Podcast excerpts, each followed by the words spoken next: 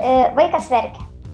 Iš antros pusės gaunu reakciją, kad nėra čia ko verkti, čia yra nesąmonė ir čia neverk vos ne kaip mergaitė, viskas čia yra gerai. Aš nenoriu, kad jisai neverktų. Jeigu jis tuo metu verkia, jis vadinasi turi dėl ko verkti. Pakankamai artima šita situacija, nes aš turėjau santykius, kur buvau su vaiku, kuris nebuvo mano biologinis. Man atrodo, kad vienas, jau, viena jautriausių temų apie poros santykius, tai yra ten vaikų, arba net ne vaikų, augintinių kartais būna. E, Daug kartų savo žmonai sakiau, žinai, man nesvarbu nei namai, nei būtos, nei, nei turtai, jeigu mes nesutarsim čia šeimoje. Ir aš nenoriu, kad jisai auklėtų taip, kaip jisai nori, o jam yra nepriimtinas mano požiūris. Ir šitoje vietoje kenčia vaikas.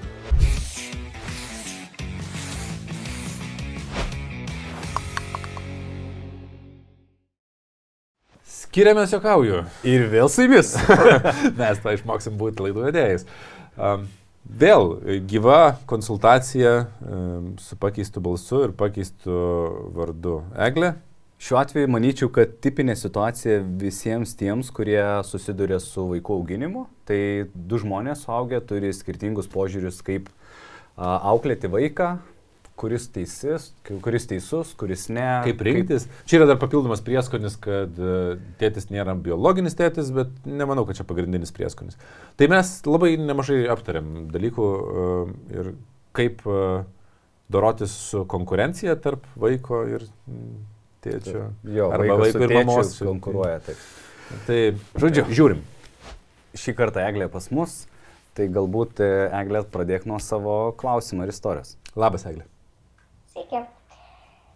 Galbūt sunku taip labai trumpai apibūdinti, bet e, gyvenam trise. Tai yra mano sunus ir draugas, kuris nėra mano sunaus tėvas, biologinis. Mhm. Ir e, didžiausios problemos kyla visgi sutarime, kaip tą vaiką bendrai auginti. Ir esam tikrai iš labai labai skirtingų šeimų, labai skirtingai auklėti bet e, noras yra, kad abu galėtumėm dalyvauti auginime lygiavertiškai, bet per daug yra nesutapimų ir nuomonių išsiskirimų, kaip tą reikėtų daryti. Ir šitoje vietoje natūralu turbūt, kad kiekvienam atrodo savas supratimas teisingesnis ir aš nenoriu, kad jisai auklėtų taip, kaip jisai nori, o jam yra nepriimtinas mano požiūris. Ir šitoje vietoje kenčia vaikas prieš tai dar norėčiau patikslinti dėl tavo nuostatos. Ar tame, kad jisai nėra biologinis tėtis, yra kažkokios įtakos ar ne? Ar tai neturėtų skirtumo? Aš, aš kaip tik ir galvoju, bet e, pradžioje dar techninės man informacijos trūksta. E, kiek laiko jūs e, kartu su šituo vyru ir kiek, kiek amžiaus vaikas yra? E, gyvename kartu pusantrų metų maždaug. Nu, nėra dar dviejų, bet tikrai virš metų. E, Vaikui yra dabar su jie tik tai šeši metai. Neseniai. Čia tik šeši, net šeši. Čia. Man pakankamai artima šita situacija, nes aš turėjau santykius, kur buvau su vaiku, kuris nebuvo mano biologinis. Man tai, buvo, tu turėjai santykius. Jo. Mm. Ir toj, kai mes pradėjom santykius, buvo mergaitai du metai ir mes ten penkis metus turėjom santykius, tai jinai užaugo iki ten septynių su pusę metų. Tai pakankamai, nu, labai panašiai situacijai buvau, bet... E, Ar turėt šitam konfliktų? Nu, ir taip ir ne, bet galbūt pradėsiu nuo nuostatų. Pavyzdžiui, mano nuostata buvo, jeigu aš e, irgi, sakykime, tikslas arba noras yra, kad auklėtumėm abudu, nu, nes tai šeimos darinys yra, kad vaikas matytų, kad abudu priminėja sprendimus, bet labai nebuvo jokio tokio konflikto, nei karto, net didžiausiose barniuose neišlindo čia biologinis, nebiologinis e, tėtis, dėl to aš manau, kad jeigu yra konfliktai šeimose arba nėra, tai jie yra identiški, ar yra biologinis ar ne. Nes šitie skirtumai požiūrio į pasaulio nuostatų yra visiškai universalūs kiekvienai šeimai. Taip, mes su Davilė irgi pykstamės, kaip reikia auklėti vaikus. Taip. Tai, tai va, bet mano nuostata buvo tokia, kad, okei, okay, pirmumo teisė yra mamos tarsi, iki tol, kol jinai man duoda, nu... Nes kai nėra biologinis, čia tarsi lyg ir suteikia teisę, bet egliai šiuo atveju, nu, kad jos lyg ir turėtų būti pirmumo teisę nuspręsti. Bet aš manau, kad tai yra jau neligiai vertiško santykio, žinai, Taip. um, indikacija. Ir man klausimas yra toks. Mes, žinai, su Vytautu greičiausiai nenusta, nenusakysim, kuris auklėjimo būdas teisingas ar ne. E, Bet mes galim panalizuoti, o kas vyksta, kai jūs kalbatės ir susipykstate apie vaikų auklėjimą. Ir man atrodo, žinai, aš spėčiau, kad vaikų auklėjimas yra tik viena iš, indika, viena iš vietų arba plotmių, kur jūs susipykstat. Stop, anonsas, e, reklaminė pertrauka. Mes e, nusprendėm galų galę, pradedam Contribui platformą ir uh, iš toj platformoje jūs galėsite pasirinkti kelis remimo formatus. Nuo tiesiog paremti, jeigu mes jums patinkam ir jums užtenka to, ką darome, iki to, kad gautumėt anksčiau visus epizodus, arba netgi dalyvautumėt klausimų atsakymų sesijose, gyvose susitikimuose ir net turėtumėt asmeninių konsultacijų. Taip. Tai visa informacija yra žemiau, spauskite ant Contribui e, nuorodos, spauskite, pasižiūrėkite, paskaitykite ir mes turime prašymą, kad paremtumėt mus, nes mes jau beveik metus finansuojame šitą projektą patys. Mes Pasirinkit savo patogų būdą, jūs tapsit mūsų darbdaviais ir gausit papildomas vertės. Ačiū. Ar jums lengva kitom temom kalbėti e, ir rasti bendrą sprendimą? Ir tik vaikų auklėjimas yra sunki tema, ar ir kitose būna sunku? E, Yra ir kitų temų, kur mums yra sunku, bet šitoje vietoje galbūt net pats vyras įvardyja, kad jeigu nebūtų tų konfliktų dėl vaiko, galbūt viskas būtų geriau ir mūsų tarpusavio santykiuose. Gerai, nu papasako konkretų gal kažkurį konfliktą, kuris būtų pakankamai nu, įmanomas atskleidimui, žinai, per trumpą laiką. Aš trumpai dar apibendrinsiu tik tai tiek, kad kartais net jaučiu tarp jų tam tikrą konkurenciją. Ir manau, kad didelė problema yra tame, kad man kaip mamai ta meilė vaikui yra, nu, besąlygiška, vadinkime, ne, aš jį moku ir priimti ir suprasti galbūt labiau nereikėtų. Iš vyro pusės gaunasi, kad aš per daug nusileidžiu, aš leidžiuosi manipuliuojama, aš leidžiuosi galbūt išnaudojama, bet aš apskritai esu linkus visad ne tik vaikui, bet ir kitiems žmonėms labiau atsiduoti, padėti, aukotis, o jisai gal yra labiau tiesiog nu, linkęs į egocentriškumą. Ir šitoje vietoje gaunasi, kad toks vaizdas, kad jie nepasidalina mano dėmesio. Ir, nu, tarkim, visiškai būtinė situacija. Yra televizorius vienas namuose. Vienas vienintelis nori žiūrėti filmuką, tarkim, vaikas ir lygiai taip pat vyras nori žiūrėti, pažiūrėjau, kažkokią filmą. Taip. vietoje man televizorius yra ne... Aš galiu leisti žiūrėti vaikui ir man tai nekelia jokių emocijų. O vyras nori žiūrėti filmą metu. Kaip priimti sprendimą? Kuris iš jų dar... Bet la, la, labai trukinėja tavo garsas dabar. Bet E, įgarsinsiu situaciją, kad žiūrovai girdėtų. Tai reiškia, yra vienas televiz e, televizorius, abu du nori žiūrėti ir... Vaikas ir... ir, ir Taip, ir tau televizorius nėra toks svarbus, tai tu tiesiog e, prioritetą skiri vaikui, kad jisai žiūrėtų. Tu norėtum, kad prioritetas būtų skirtas, ar ne? O vyras norėtų, kad prioritetas būtų skirtas jam. Tada gaunasi įsiskautinimas, kad kodėl reikia nusileisti vaikui, čia yra tik tai vaikas, čia dabar mes vis tiek jį auginam, tai jisai turėtų labiau mums paklusti, o man šitoje vietoje vaiko poreikiai yra svarbiau. Jeigu jisai tuo metu nori kažką žiūrėti, aš noriu jam leisti žiūrėti. Mhm. Man atrodo, kad, pavyzdžiui, vyras galėtų gal nueiti įsijungti per kompiuterį, per telefoną arba pakentėti, nes vaikui yra sunkiau tą padaryti. Taip, čia labai įdomu, e, pirmas aspektas, kurį e, sakei, kad atrodo, kad jie čia nepasidalina tavo dėmesio, tai tas yra visiškai aktualu ir porose, kur yra biologinis tėvas. Na, ta prasme, kaip pradžiai pradėjai pasakot, kad aš labiau nusileidžiu, vyras gal ten griežtesnis, tai čia kaip visiškai mūsų sudavilė situacija pasakotum. Kur, aš jai sakau, tai, tai vaikai tai manipuliuoja. tai žinai, nenusileist. Bet e, tai reiškia, kad e, nu, neturėtumėm pa- pagrindo dėti, kad vat, čia yra e, santykiai, kurie vėliau prasidėjo. ne? O aš noriu paklausti dar dėl sprendimo dinamikos. Ar vyras ateina, atsisėda, patraukia vaiką ir pradeda žiūrėti ant viršaus, ar jisai priima sprendimą ir tu tiesiog pyksti, ar jisai ir vaikas ateina klausti sprendimo pas tave ir tu nusprendi, kad vaikas ir tada vyras pyksta, nes tavo sprendimas tarsi netitiko jo lūkesčių. O, geras klausimas, per tos pusantrų metų tai yra buvę visos šitos situacijos, kurias išvardinau. O buvo tokia, aš pa, paimsiu pačią, turbūt e, siekim, labiausiai siekiamą. Ar buvo tokia, kada jūs atsisėdat, abu ramiai, pailsėjai ir kalbatės apie tą temą ir bandot nuspręsti, kaip būtų geriausia daryti? Esam bent jau bandę. Mhm. Tai šitoje vietoje tikrai, jeigu, nu, kaip sakote, nebūtų pailsėję, viskas tvarkoj, tai dažniausiai net ir nebūna problemos, tarkim, įsijungti per kitą įrenginį tą norimą laidą, filmą ar kažką. Bingo.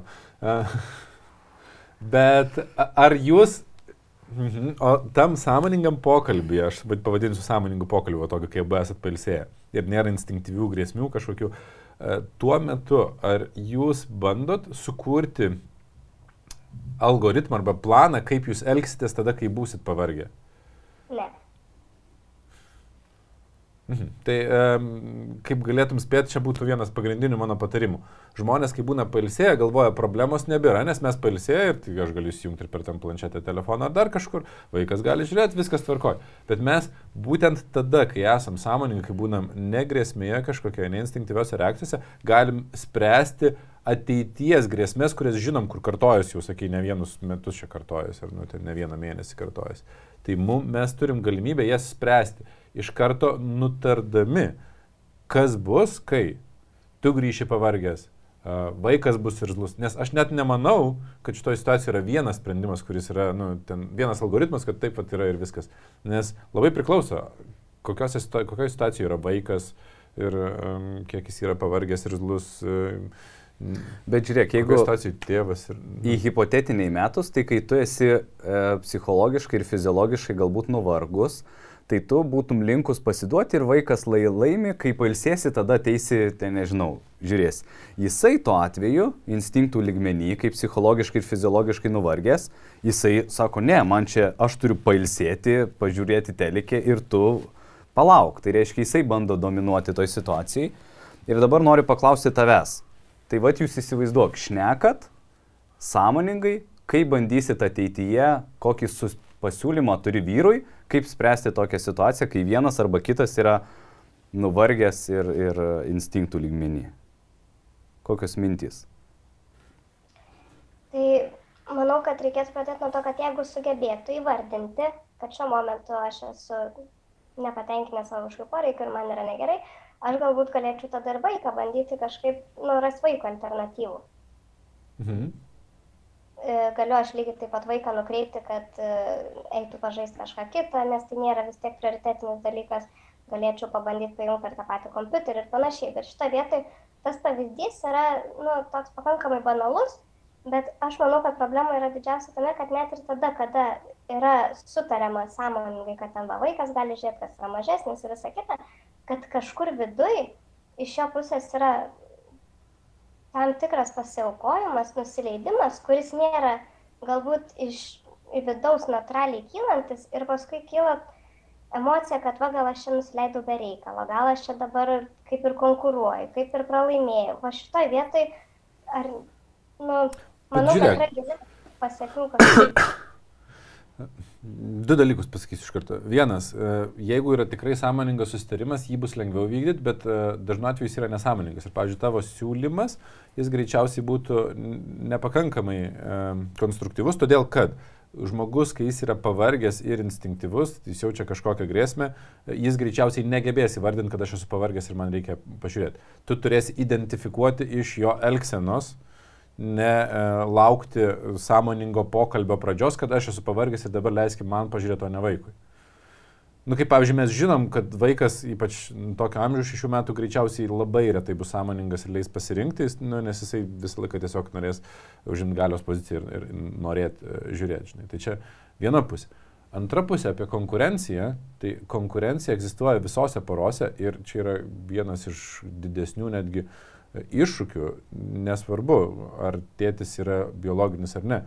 Konkurencija tarp manęs, tarp dovilės dėmesio man ir vaikams, jinai egzistuoja. Ir reikia daug mano samoningumo, kad aš nesupykčiau, arba daug dovilės samoningumo, kad jinai e, paskirstytų tą dėmesį, kad aš identifikuočiau, kad aš jai rūpiu. Ir šitoj vietoj galima padiskutuoti ir pakalbėti apie tai, ar nėra kažkokių, žinai, um, indikacijų jam, kad vis dėlto nu, jisai yra nepakankamai reikalingas šeimoje, nepakankamai laukiamas, nepakankamai vertingas šeimoje kas sutirštino tada spalvas, žiūrint tel, nu, ten televizoriaus klausimą ar kituose klausimuose, kai vyksta konkurencija. Aš tai siūlau dar pabaigti tą pirmą etapą, nes pirmas etapas yra trum, nu, trumpalaikis vaistas e, situacijoms labai Su panašioms. Jo. Tai jeigu jūs abu esat pavargę arba vienas yra pavargęs, kokiu turėtum patarimų, kaip susitarti nu, šeimom, ką daryti, kai prasideda tokia konkurencija ne, netipinė?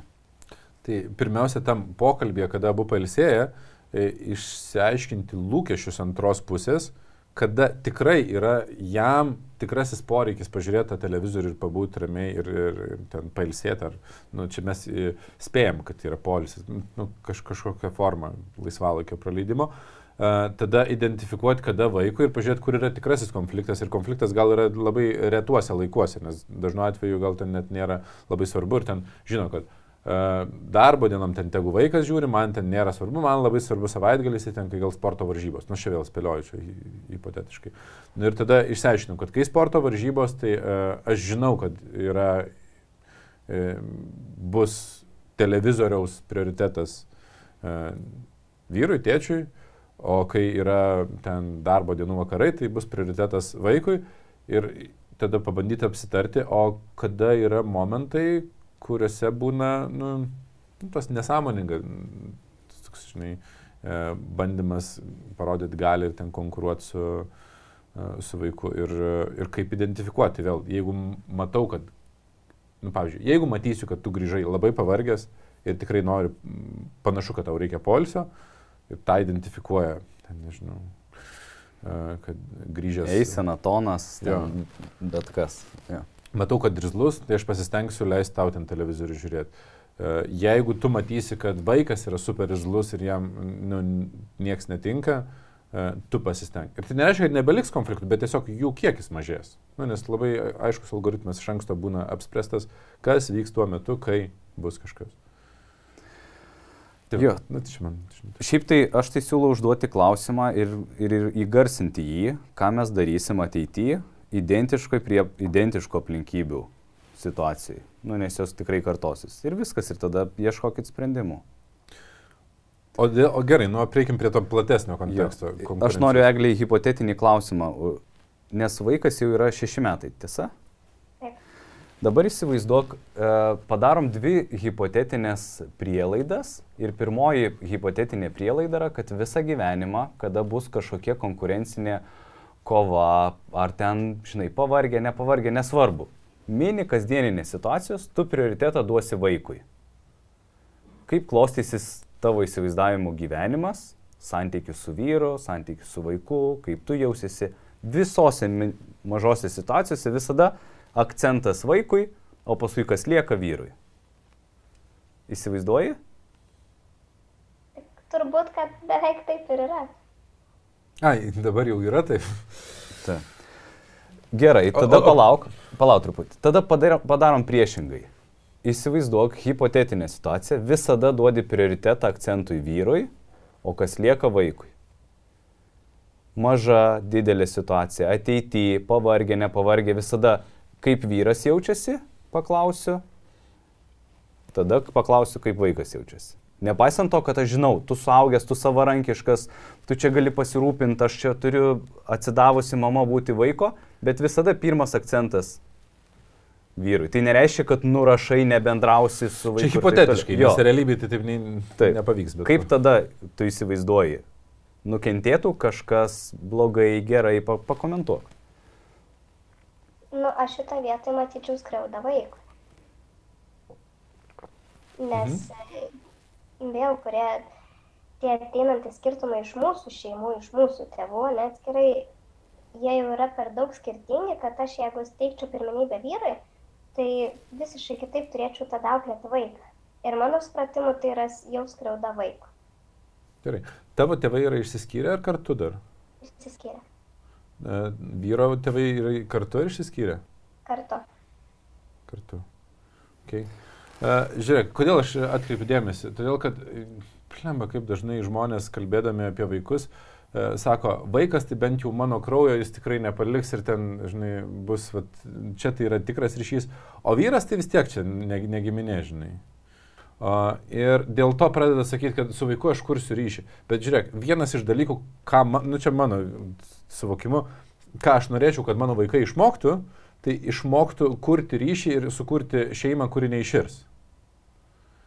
Ir jeigu aš skiriu laiką tik tai vaikui, nu, prioritetas yra, net ir dabar, jeigu aš skirčiau laik, laiką tik tai vaikams ir prioritetas būtų vaikai ir dovilė to prioriteto visiškai nematytų, e, rezultate mūsų santykiai pradėtų blogėti e, iki tol, kol mes arba išsiskirtumėm, ar būtų neištikimybė, arba emocinis smurtas, arba nu, kaž, iki kažko, degradacija iki kažko nueina, žinai, galiausiai.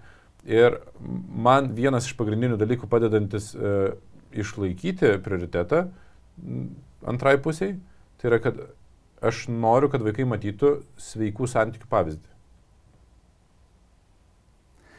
Dar aš noriu e, pakomentuoti dėl skriaudos vaikui. Aš šitą temą pakankamai e, ilgai nagrinėjau ir man buvo labai įdomu šitos dvi kraštutinybės, vat, ką aš įvardinau, ne? E, Arnas labai gerai pasakė, kad taip gyvenime niekada nebus, kad tu visą laiką tik tai vienam arba kitas tik antras, nu, visą laiką dinamika, bet aš turėjau pats nustatyti, kaip aš noriu, kad būtų mano šeimoje, nes mano tėvai yra išsiskyrę. Ir pas, pasakymas taip, kad mes į šeimą ateinam su skirtingais požiūriais, jau yra labai blogas.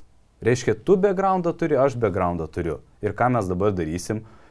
Bandysim žiūrėti, kiek tu laimi, kiek aš laimiu man daug yra lengviau kurti santykius, kai mes turim abudų nuostatą, kad mes ateinam balti popieriaus lapai, uždarom tai, kas buvo ir mes žiūrim, koks mano sprendimas ir vidinė nuostata, taisyklė suteikia mums daugiau privalumų arba daugiau trūkumų, kaip ilgalaikiai šeimai, kaip santykių su vaiku ir taip toliau.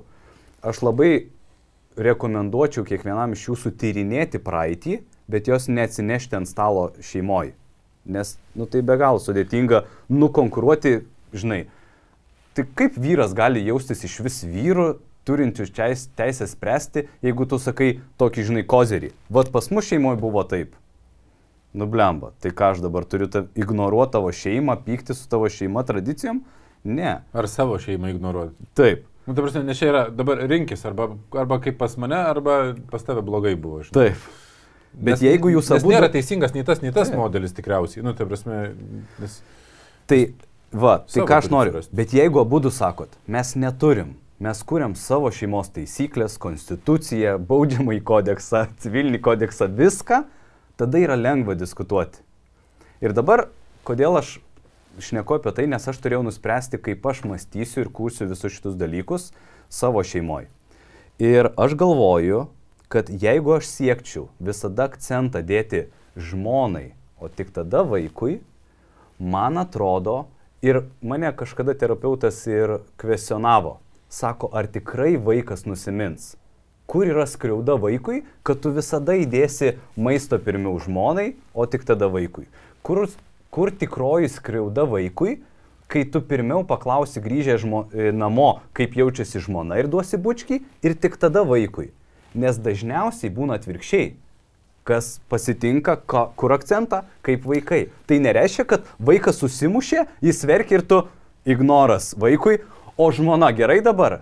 Ne, tai tu tą akimirką sprendi, bet kai yra neutrali, sako, tai vaikas blogiausia, ką išmoks, kad akcentas yra antrai pusiai, o jisai turi palaukti. Tai spėk, ką jisai darys ateityje jis kur santykius, kur akcentas yra antra pusė, o vaikai yra antram prioritetė. Tai nereiškia visiškai, kad tu mažini. Žinai, bet čia turbūt į um, kontekstą įeina tai, kad uh, vyras yra nebiologinis tėtis. Nes aš manau, kad ne paskutinė, uh, ne paskutinį vaidmenį vaidina kalties jausmas, kad uh, nu, biologinio tėčio uh, nėra šalia. Aš nežinau, čia jau spekulacija ir spėju, žinai. Bet uh, tas noras tada būti uh, kai, kai yra išsiskyrusi šeima, noras būti geresnė mama, jo, viso, e, geresniu tėčiu uh, ir netgi konkuruoti savotiškai su tėčiu, kuris yra, nežinau, yra tėtis vaiko. Bet labai mažai dalyvauja vaiko gyvenime. Ja. Nu, tai labiau tada nesąmoningas tas kalties jausmas gali būti. Nu, žinai, daug kas žiūri ir, ir kas nu, turi savo situaciją. Iš, ir jeigu toj situacijai labai akivaizdžiai žinai, įsijungia konkurencija su eks e, vyru arba eks žmona ir, ir ten konkurencija įsijungia, nu, tai tas kalties jausmas be abejo padaro taip, kad naujiems santykiam labai sunku tęstis. Bet Eglė, pakomentuok, kaip tau skamba visą tai, ką mes šnekam. Aš sutinku su jumis, viskas taip, bet e, tie dalykai, kurie yra, kaip aš turėjau menį, kad būtent skriauda, net ten su pirma pasisveikinti, kam pirmą dėti valgyti, su šitą sutinku. Man tai yra pakankamai paviršutiniai dalykai, kurie, kuriuo aš net nelaikau skriauda vaikų. Nu, šitą vietą aš tikrai galiu su jumis sutikti. Bet e, yra tokių dalykų, kaip, nu, tarkim, irgi vienas banaliausių pavyzdžių, e, vaikas verkia jam tuo momentu yra kažkas negerai. Aš suprantu, kad jam yra negerai, kad net ir jo ta vaikiška problema jam yra rimta problema. Ir aš bandau su juo kalbėtis, bandau išgirsti, kas yra negerai.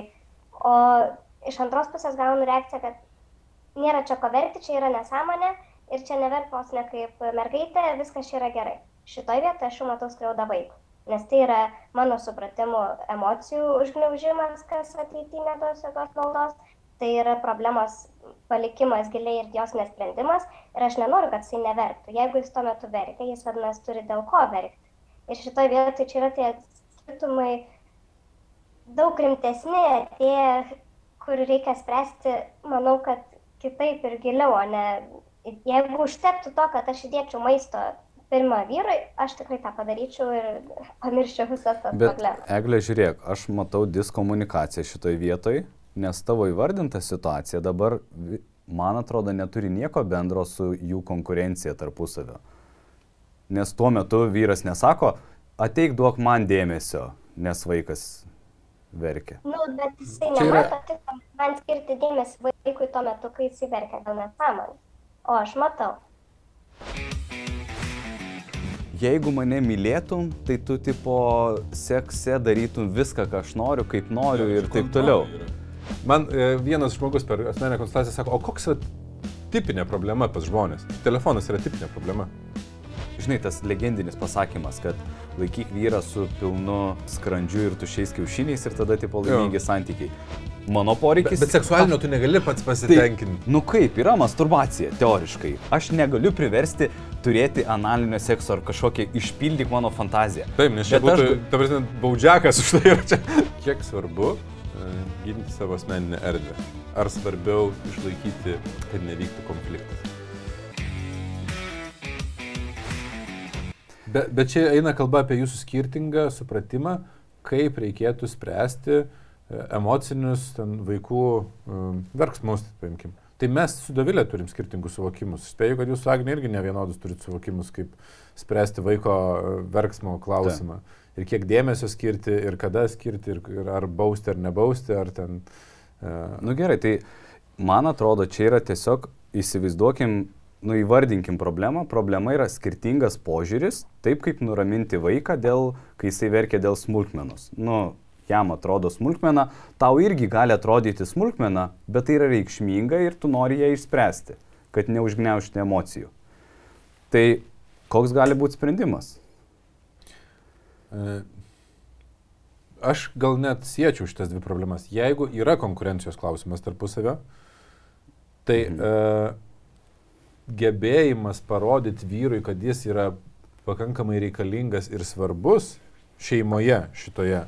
Nes aš, žinai, dėl ko tą klausimą iškėliau, Eglė sakė, kad pas mane yra beveik taip, kad aš visada pirmą vaikui skiriu dėmesį. Mhm. Atsimeni? Taip. Ir jeigu, jeigu tai jau yra toks iššūkis, tai po to uh, bet kokiose smulkmenuose instinktyviai antra pusė nori parodyti, kad ir mano balsas čia yra svarbus. Kaip auklėsim, ką darysim. Nu, tai yra, atsiranda noras kompensuoti tą um, menkumo jausmą, kad šiaip aš gal ne visai reikalingas esu ar nepakankamai reikalingas. Tai jeigu sprendžiant šitą problemą galimai e, lengviau būtų sutarti tokiuose sąmoningose pokalbiuose, kad kažkuriuose vietose mes sutarėm, kad nesutarėm. Sutarėm, kad mano būdas yra toks, tavo būdas yra toks, vaikam yra, tarp kitko, šis yra įdomus dalykas, kurį aš kažkada priemiau ir galvoju, jo, vaikam yra gerai matyti skirtingus būdus, kaip suaugęs žmogus reaguoja į, nu, galų galę jo verksmą. Jeigu absoliučiai, absoliučiai visi žmonės, augant vaikui iki ten dešimties metų, kai jis pradeda verkti, jie apkabintų, guostų, išklausytų, jam nuėjus į mokyklą, ne dešimties, septynių ten, jam nuėjus į mokyklą būtų tragiškai sunku, nu, klasikinė mokykla. Tarp kitko, e, čia apie Andriulius buvo komentaras prieš tai YouTube video ir dabar prisiminiau, Andriulis e, kažkada labai gerą straipsnį parašė, kad sako, mano rolė šeimoje parodyti vaikam, kad tenai jų niekas nelaukia. Niekas. Čia, Pasaulyje. Ten, jo, tenai tai pasaulyje. Tenai tai pasaulyje. Jo, jo, jo. Ir, ir žinai, tada supranti, kad jo, jis atlieka tam tikrą misiją, tai, priešingą negu mama. Nu, tai reiškia, kad kai jūs esate, žinai, kartu, tai uh, ten, vyras leidžia tau apkabinti, nu, jeigu jų, tarp jūsų tos konkurencijos nebelieka, dėl to aš sujungiu šitas temas. Kai jūs esate atskirai ir vyras būna su vaiku, galbūt jis leidžia tam vaikui paverkti ir tu irgi negali priversti vyro turėti kitokias vertybės arba kitokį, žinai, elgesio modelį. Santykiai yra skirtumų valdymas. Mes turim suvokti, kokie yra skirtumai, kurie yra jau tikrai super žalingi. Nežinau, muša vaiką. Nu, tai akivaizdu, kad mes stabdysim ir jau ten e, čia yra riba, kurią reikia nubrėžti. Bet jeigu tai yra tiesiog skirtingas suvokimas, tai ne, aš nemanau, kad tai vaikui e, super žalinga, tai yra labiau gebėjimas priimti kito žmogaus kitokį būdą auklėti. Ir e, tarpusavį jūs per tą pusantrų metų, nu, tikrai negalėjot išmokti vienas kitą priimti nu, šimtų procentų. O beje, jūs e, ėjot kur nors, ne gal ne jūs kartu, o galbūt e, tu individualiai, kokius nors santykių kursus, kur apskritai kažką. Ne, bet norėčiau, tik laiko vis pritrūksta. Supratau. Nes, nes čia eina kalba apie gebėjimą išmokti sukurti ryšį ir pasitikėjimą tarpusą ir priimti vienas kito skirtumus. Jūs būsite skirtingi. Ta. Ir tada vėlgi sąmoningose pokalbiuose išmokti uh, sutarti, kas bus, kai, kai vaikas tik su tavim problemos nėra, kai vaikas tik su vyru. Galbūt problemos nėra, jeigu tas jo būdas, kuriuo jisai daro, yra priimtinas tau ir tu gebi jį priimti, kai esat kartu, kaip jūs reaguojate į vaiko verksmą. Ir tikrai yra poroj gyvenant tūkstančiai dalykų, dėl kurių uh, galima apsitarti ir mes dėl jų pradedam apsitarti tada, kai jie jau tampa problema, kai jie atsikartoja. Daugelis porų, aišku, net ir tada, kai atsikartoja, neapsitarė ir dėl to konfliktai tik tai gilėja. Bet aš spėčiau, kad tikrosios, e, tikrieji iššūkiai yra e, ne vaiko auklėjime, nuo pat pradžių, kai pradėjai kalbėti iš tikrųjų. Pirmas spėjimas yra, kad jūsų iššūkiai yra e, tarpusavio santykėje ir vienas kitam, kiek jūs jaučiatės reikalingi, vertingi ir priimami. Ir ta konkurencija, kuri arba ten skirtumai auklėjime, po to jie tik tai yra vieta, platmė, kurioje išryškėja, kad jūs nu, nepriimat vienas kito skirtumų. Pakomentuok, Eglė, ką, ką jau tik, kokias Geras mintys. Tavo pakomentuok. Aš užsišnekam. Na, negaliu, su, ne, negaliu nesutikti, kad nėra tiesos jūsų žodžiuose. Ir Bet. Bet tai čia prasideda. Šiek tiek tiesos yra. Taip. nu gerai, daug tiesos. Bet e, galbūt yra per sudėtinga e, viską, man pačiai yra per sudėtinga, nes šitoje vietoje aš jaučiuosi per daug atsakinga tiek už jį, tiek už vaiką, nes aš esu tas žmogus, kuris bando gilintis, kaip tą reikėtų daryti kaip reikėtų spręsti tiek tarpusavio problemas, tiek problemas su vaiku. Tai šitoje vietoje gal tiesiog, vat ir buvot jūs ta vieta, kur norėjusi kažkokios nuomonės iš šono, nes nega, ne, ne visada mums išeina spręsti tą tarpusavį. Ne visada išeina ieškoti tų sprendimų taip, kaip aš norėčiau ir kaip aš suprasčiau tą ieškoti. Tai... O išeina ieškoti taip, kaip jisai norėtų sprendimų? Jisai norėtų neieškoti. Mhm. Tai va čia bet... yra man didžiausia problema. Aš nežinau, kaip iš tikrųjų yra, bet aš da, turiu tik tai, nu, tokią halucinaciją, iliuziją, kaip galėtų būti ir pasidalinsiu išvalgom. Viena dažniausių iliuzijų moterų yra, kad vyrai nenori spręsti Nors man atrodo, kad vyrų prigimtyje yra kaip tik noras efektyvinti, spręsti, daryti ir taip toliau, tik jie to nedaro dėl ko? Nes bandė ir nesigavo, nežino, kaip tą daryti efektyviai, arba nu, jie jaučiasi, nežinau, nesvarbus, nereikalingi ir taip toliau. Man atrodo, kad... Aš manau, vyrai... kad čia net ne, ne vyrų ir moterų skirtumai. Aš manau, kad čia kiekvienas nu, žmogus iš principo yra linkęs spręsti problemą, jeigu jis žino kaip, arba jaučiasi, kad jo balsas jo, yra svarbus. Mhm. Tai va, tai aš manau, kad e, čia yra gilesnės problemos, nes daugelis vyrų, kurie pasišneka apie tai, kaip jie jaučiasi nepriimti, neišgirsti, galbūt, nu, jie dažnai palengvėja, kada jie turi galimybę išsišnekėti. Ir antroji problema yra konstruktyvus po pokalbis. E, tu minėjai, kad kai jūs šnekat sąmoningai, ai tai tada problemos nelieka.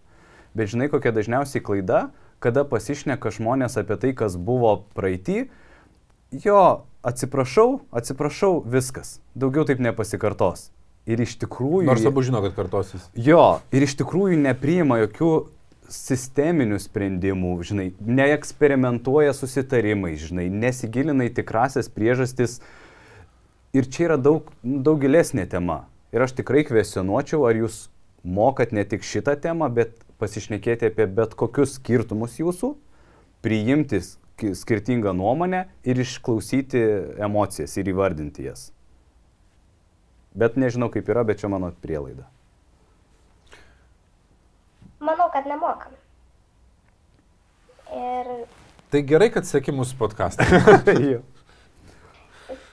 Taip, ir iš tikrųjų ir bandau ir sekti, ir žiūrėti, ir dėliotis, ir galbūt ir tikrai ir mano yra daug kalties ir tame, kad e, nemoka gal ir jisai atskleisti tų emocijų, taip kaip norėtų atskleisti, gal aš užkertu kažkaip tą, tą jo norą atsiskleisti.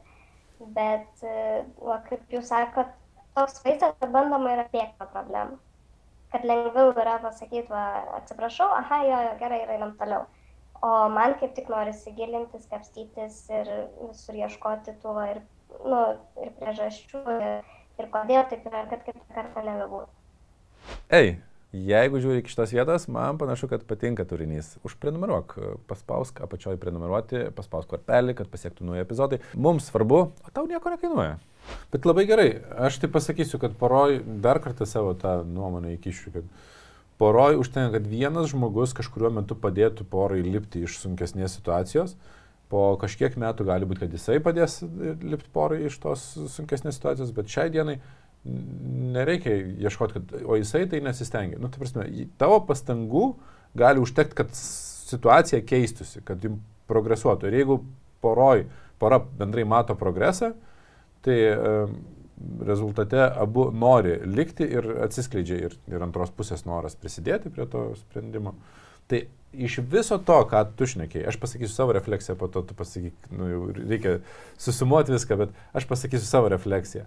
Man atrodo, kad vienas, jau, viena jautriausių temų apie poros santykius, kai yra ten vaikų, arba net ne vaikų, augintinių kartais būna, tai kiek dėmesio mes skiriam savo antrai pusiai, kai atsirado augintinių vaikų, arba nu, kažko dar kažkokių projektų, o vaikai yra nu, vienas toks reikšmingiausių projektų, kurie atsiranda mūsų šeimoje. Tai jeigu e, daugiau savistabos bus šitoj vietoje ir aiškiau išgirsi, kur jam yra svarbu būti pamatytam, pastebėtam, svarbiam, manau, kad jau palengvės e, poros santykis. Ir e, čia eina kalba ne apie kažkokį, žinai, bandymą įtikti ir ten pamiršti vaiką, eina kalba apie išgirsti, kokie yra tikrieji jo poreikiai, kokie yra tikrieji vaiko poreikiai. Aš taip, e, mano tokia refleksija yra dėl akcento, kad, pavyzdžiui, mes turim dabar nu, mažą vaiką, dar metų nėra ir aš suprantu, kad tikrai negali būti mano poreikiai prioritetu. Ir e, aš turiu tokią iliuziją, nu, su, suvokimą, kad mes einam link to, kad prioritetų būtų antra pusė ir tik tada vaikas, bet tas turi būti labai palaipsniui, sąmoningai ir taip toliau. Ir daug atvejų tas nesigaus. Bet tai yra kryptis, vektorius, link ko mes einam, siekiam ir šnekam. Ir man vienas liūdniausių dalykų yra tai, kada mes sąmoningą pokalbį, kursus, investavimą į, į terapijas nukeliam į dešimtą prioritetą. Dabar yra svarbiau, ten nežinau, mašina, atostogos, e, dar kažkas, jeigu kalbėti apie pinigus ir, ir, ir laiką, kur mes skiriam. Ir aš sakau, e, daug kartų savo žmonai sakiau, žinai, man nesvarbu nei namai, nei būtos, nei, nei turtai, jeigu mes nesutarsim čia šeimoje. Sakau, man ten tikrai nueis į kitą prioritetą. Bet taip ir yra. Čia tas pats kaip pirkti automobilį ir sakyti, neturiu pinigų, aš mokytis teisiu, man tiesiog Taip, reikia automobilio. kursai 400 ar ten terapija 2000 per brangu. Tikrai, tikrai. tai, Jo. tai va, tai mano tokia rekomendacija. Ką, ką O, o tavo refleksija, ką tu Taip. išsineši? Ja.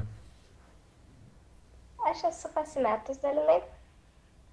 Nes, Confused čia tai yra labai gera būsena, tarp kitko. taip. Tai tikrai yra apie ką pagalvoti.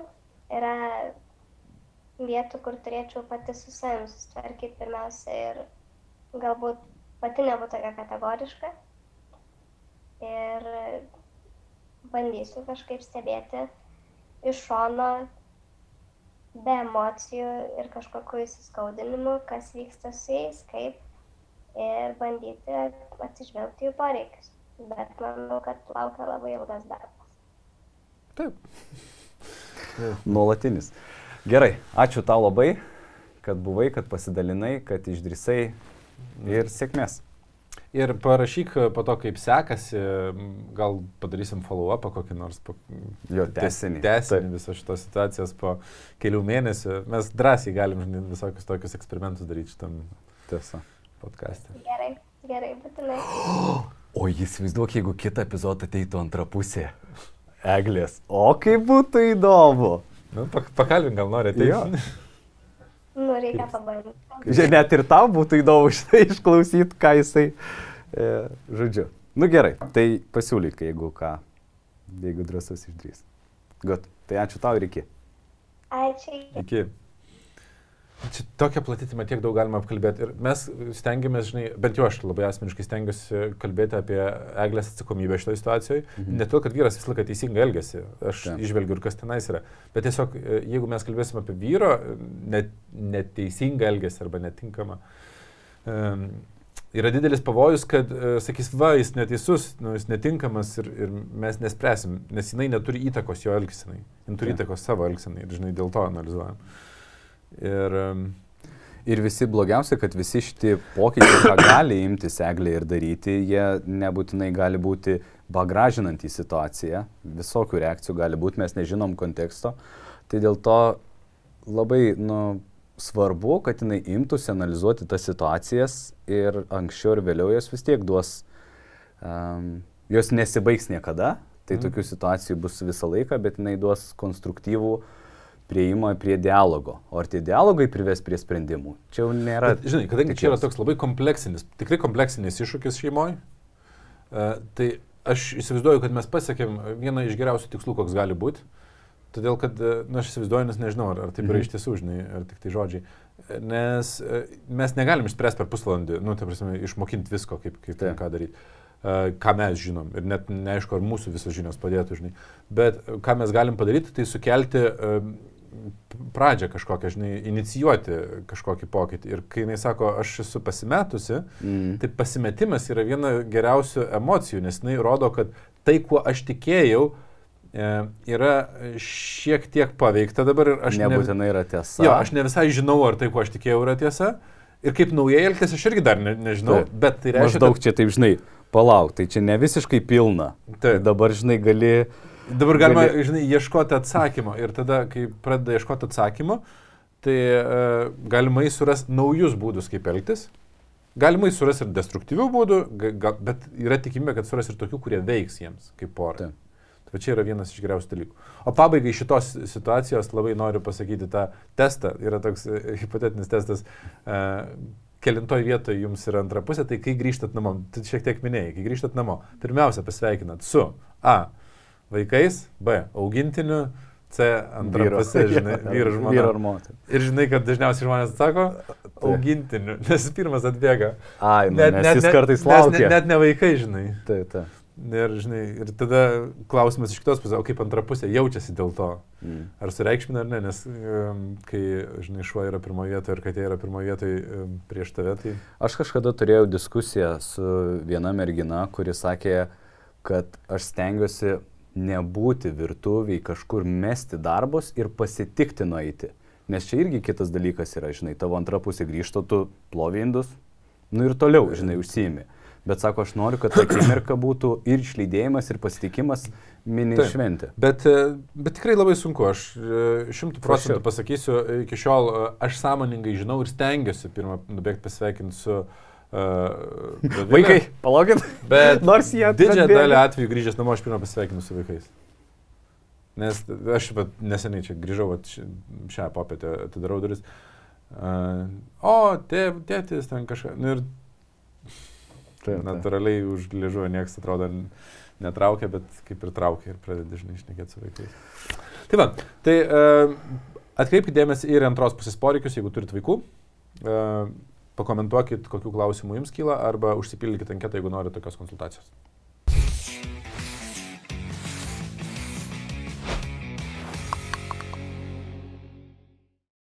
Jeigu mane mylėtum, tai tu tipo sekse darytum viską, ką aš noriu, kaip noriu ir taip toliau. Man e, vienas žmogus per asmenę konsultaciją sako, o koks yra tipinė problema pas žmonės? Telefonas yra tipinė problema.